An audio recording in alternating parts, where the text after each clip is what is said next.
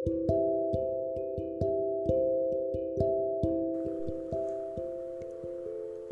selesai sampai di situ, sekarang giliran ia yang lain. Ia yang dulu sangat antusias dengan segala apa yang ingin aku lakukan. Namun sekarang sepertinya malah berbalik arah. Tak tahu apa maksud dan tujuannya. Yang jelas, aku telah menyadari bahwa aku gagal untuk bisa mengenalinya. Dulu, kamu begitu mudah memasuki ruang rasa yang aku punya. Tapi setelah aku membukanya, kamu sendiri yang kembali menutupnya. Hidup ini lucu ya. Yang dulu mengejar, sekarang malah tak terkejar.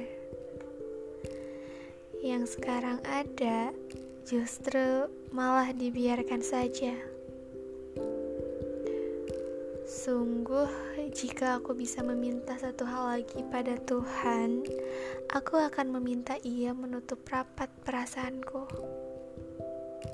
Dulu atau saat ini, karena membiarkan rasa ini mudah disinggahi, hanya akan membuat banyak luka yang takkan terobati.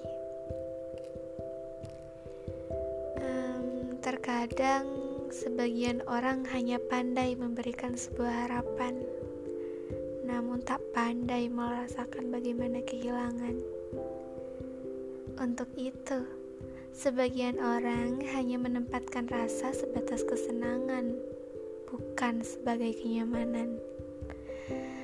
Dan kesenangan hanya akan tumbuh dalam jangka waktu yang singkat.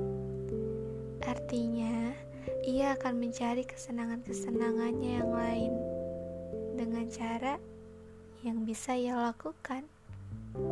Tak peduli bagaimana kesenangan yang ia tanam pada kebahagiaan orang lain itu mulai tumbuh.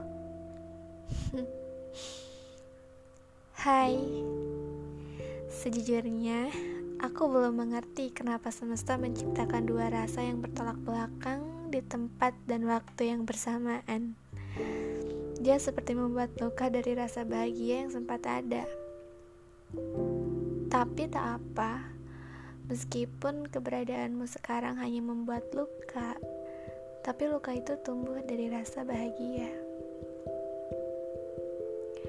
Sebelumnya aku minta maaf sempat membiarkan pesan kalian karena aku menyadari diri jika aku hanya bisa menjadi manusia perasa bukan manusia yang pandai mengungkapkan rasa.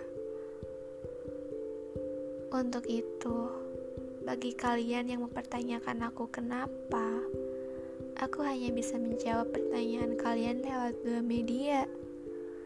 Satu naskah dan dua suara. Terima kasih kalian pernah hadir. Um, oh ya, karena aku berhasil menjawab setiap tantangan semesta, maka hari itu pula ia memberikan aku sebuah penghargaan dengan cara meyakinkan bahwa aku bisa menyelesaikan sebuah tulisan. Di dalam naskah tersebut, aku menuliskan cerita-cerita luar biasa tentang kalian, tentang kehadiran beserta kehilangannya. Um, cukup kalian nikmati saja ya.